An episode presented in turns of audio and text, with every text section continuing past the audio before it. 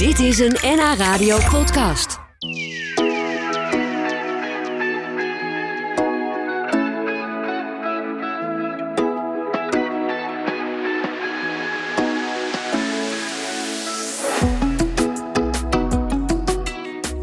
Als je problemen hebt met de gemeente, zoals een conflict over huurtoeslag of onterechte parkeerboetes, dan kun je daarvoor terecht bij de ombudsman.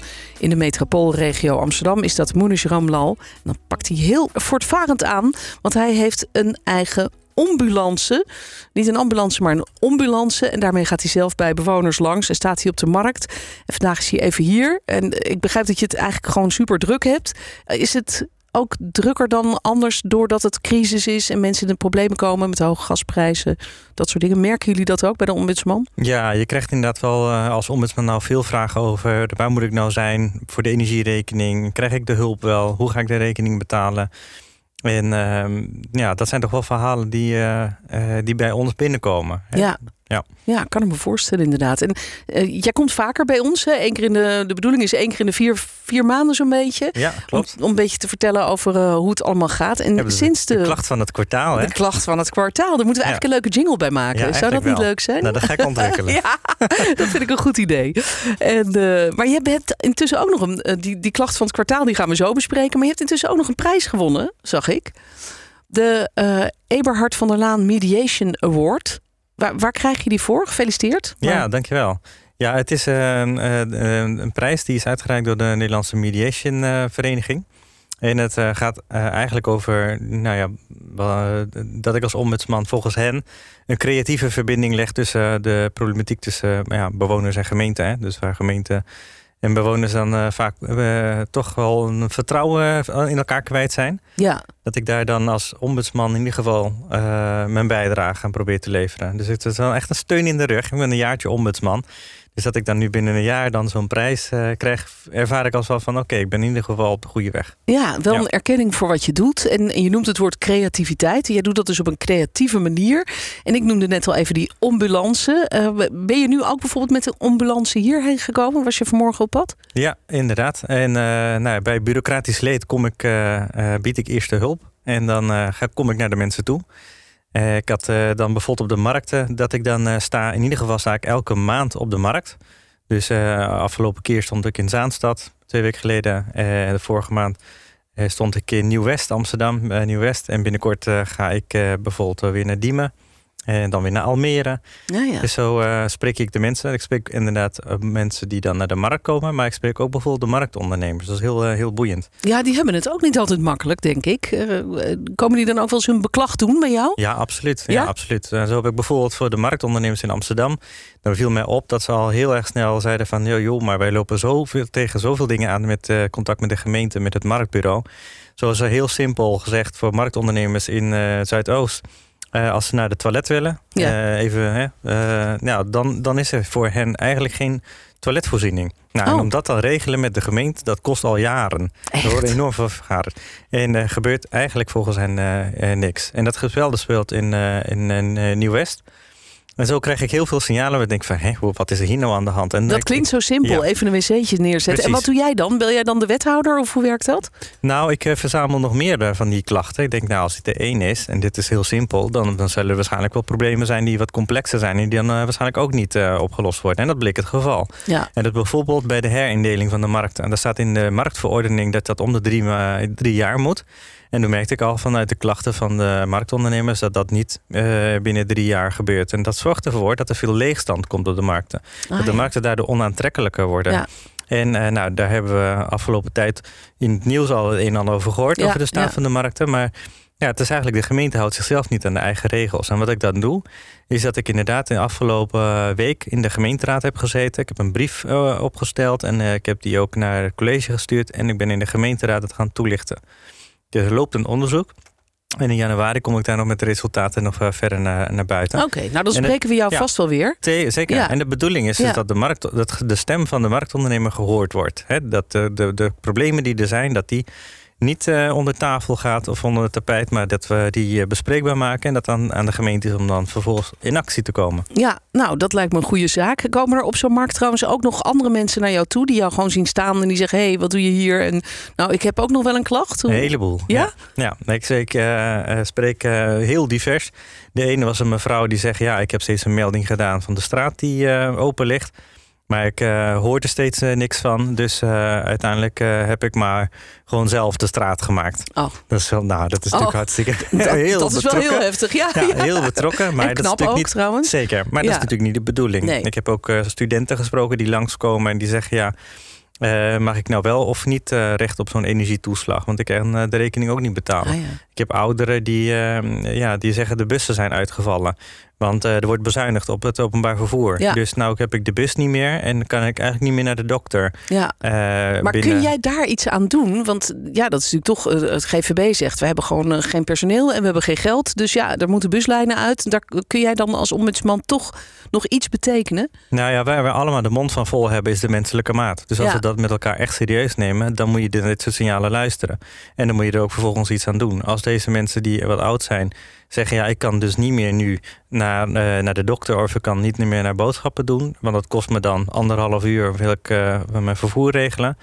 Dan denk ik dat we met elkaar eens even echt wel eh, het gesprek moeten voeren. Is dit wat we hiermee hebben gedaan wenselijk? Ja, En dan volgens mij is er, als, als je dus de menselijke verhalen hoort, dan is er altijd wel de, ehm, de beweging bij degene die eerst hard zeggen: nee, we moeten bezuinigen, et cetera. Dan, dat ze dan toch kijken van, nou, misschien zijn er hier wel oplossingen te vinden. ja. En Ja. soms zijn die er ook niet, maar dan is in ieder geval ook wel echt naar gekeken. En niet eh, met het is zo eenmaal zo. Hè, dat is bijvoorbeeld met de woningen ook zo.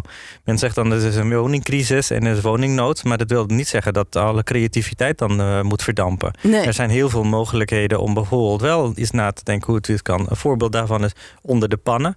Eh, dat is een project voor mensen die echt geen woning kunnen krijgen. En de mensen die wel een kamer beschikbaar hebben.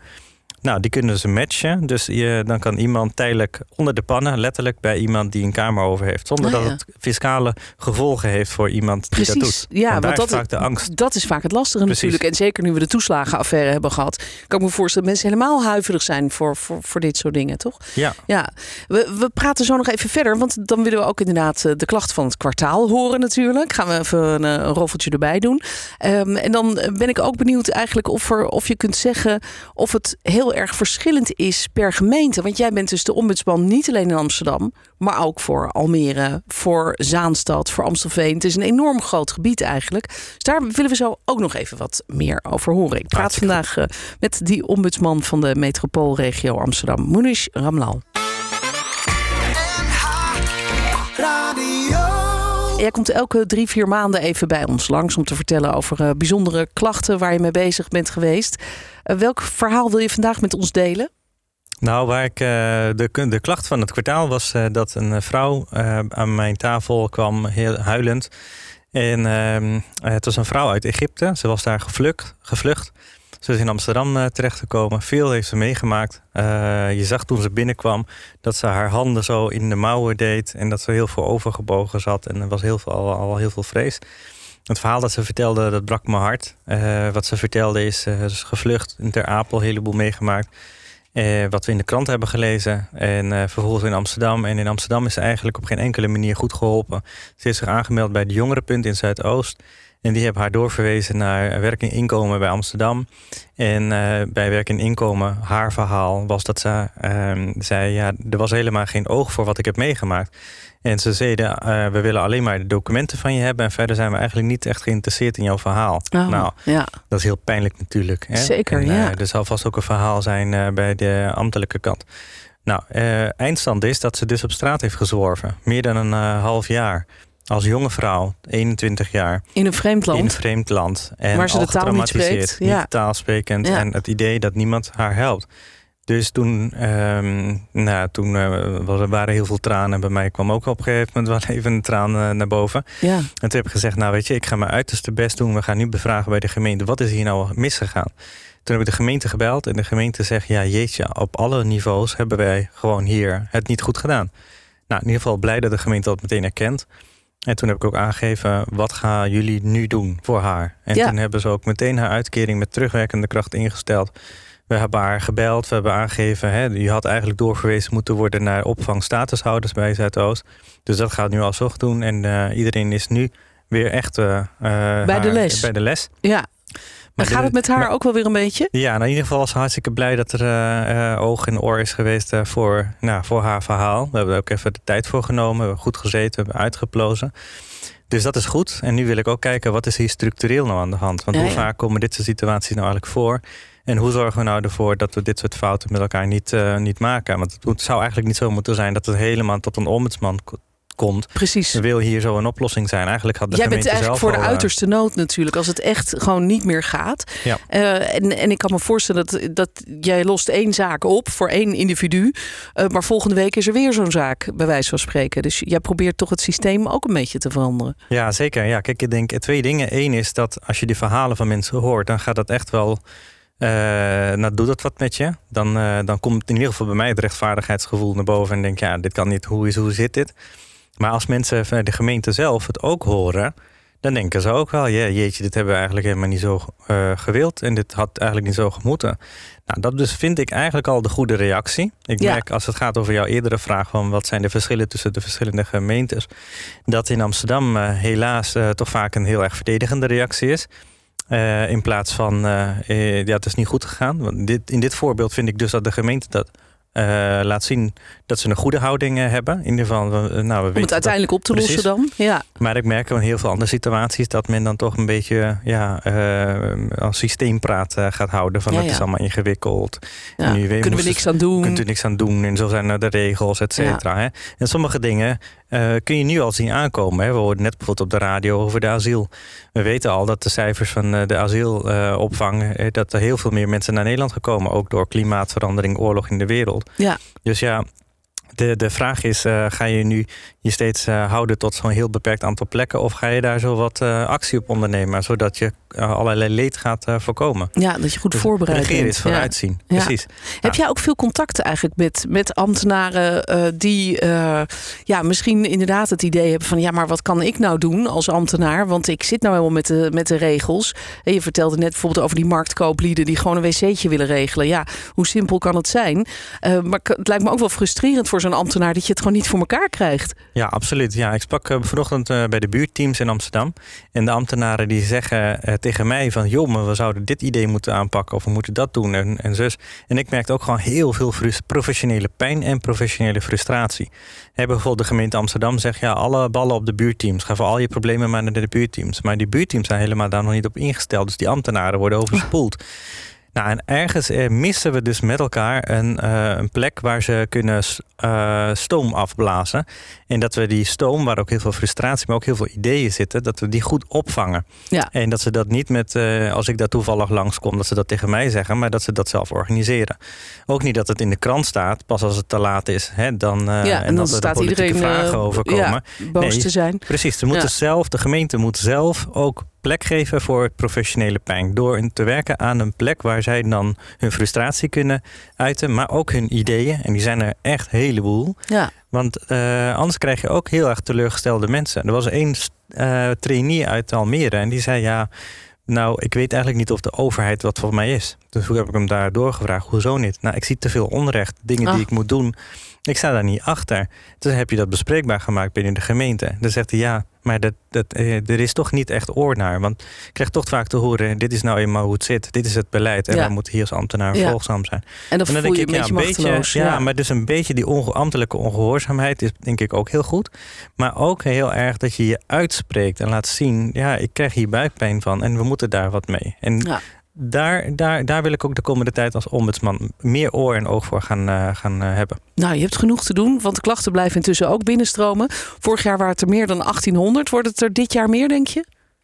Nou, dat vind ik lastig te zeggen. Want als ik zo eens kijk naar het aantal, dan zie ik toch wel dat mensen een beetje teleurgesteld zijn in de overheid. En ze denken, klagen heeft geen zin. Ah, en eh, je ziet dat dus ook het eigenlijk heel vertrouwen. erg, ja. dat is eigenlijk erg. Dat, dat daar, als mensen niet meer gaan klagen, zich niet meer gaan uiten, dan moet je er meer zorgen gaan maken. Ja, Omdat ze, en dat merk ik echt op de markt. Dat mensen zeggen, ja, ombudsman, Ik, ehm, ik denk dat je hard je best doet, zeggen ze dan. Maar ik heb er toch geen vertrouwen in. Ik, weet, Ja. ik denk niet dat je net op gaat lossen. Want het is zo hardnekkig. Die overheid en die politici die doen toch gewoon echt wel wat ze zelf willen. Ja. De problemen waar ik voor gesteld sta, die worden niet gehoord. Nou, dat, dat, dat, dat, dat alleen al horen doet natuurlijk pijn. ja. Maar dat is wel echt Dat is, eh, de de opgave- werk aan de winkel. Ja, Echt opgave waar jij Ja, voor staat. Precies. Genoeg te doen. Dank dat je hier was weer vandaag. We, we spreken je over eh, drie, vier maanden weer, hè? Met eh, de klacht van het kwartaal. Hartstikke goed. In het nieuwe jaar. Oké, nou gelukkig eh, nieuwjaar alvast dan. Nou, jij ook. Dankjewel. Hoi. En dankjewel voor de chocola. Je hoorde de ombudsman van de metropoolregio Amsterdam, Munish Ramlal. Dit was een NH Radio podcast. Voor meer, ga naar nhradio.nl. Radio.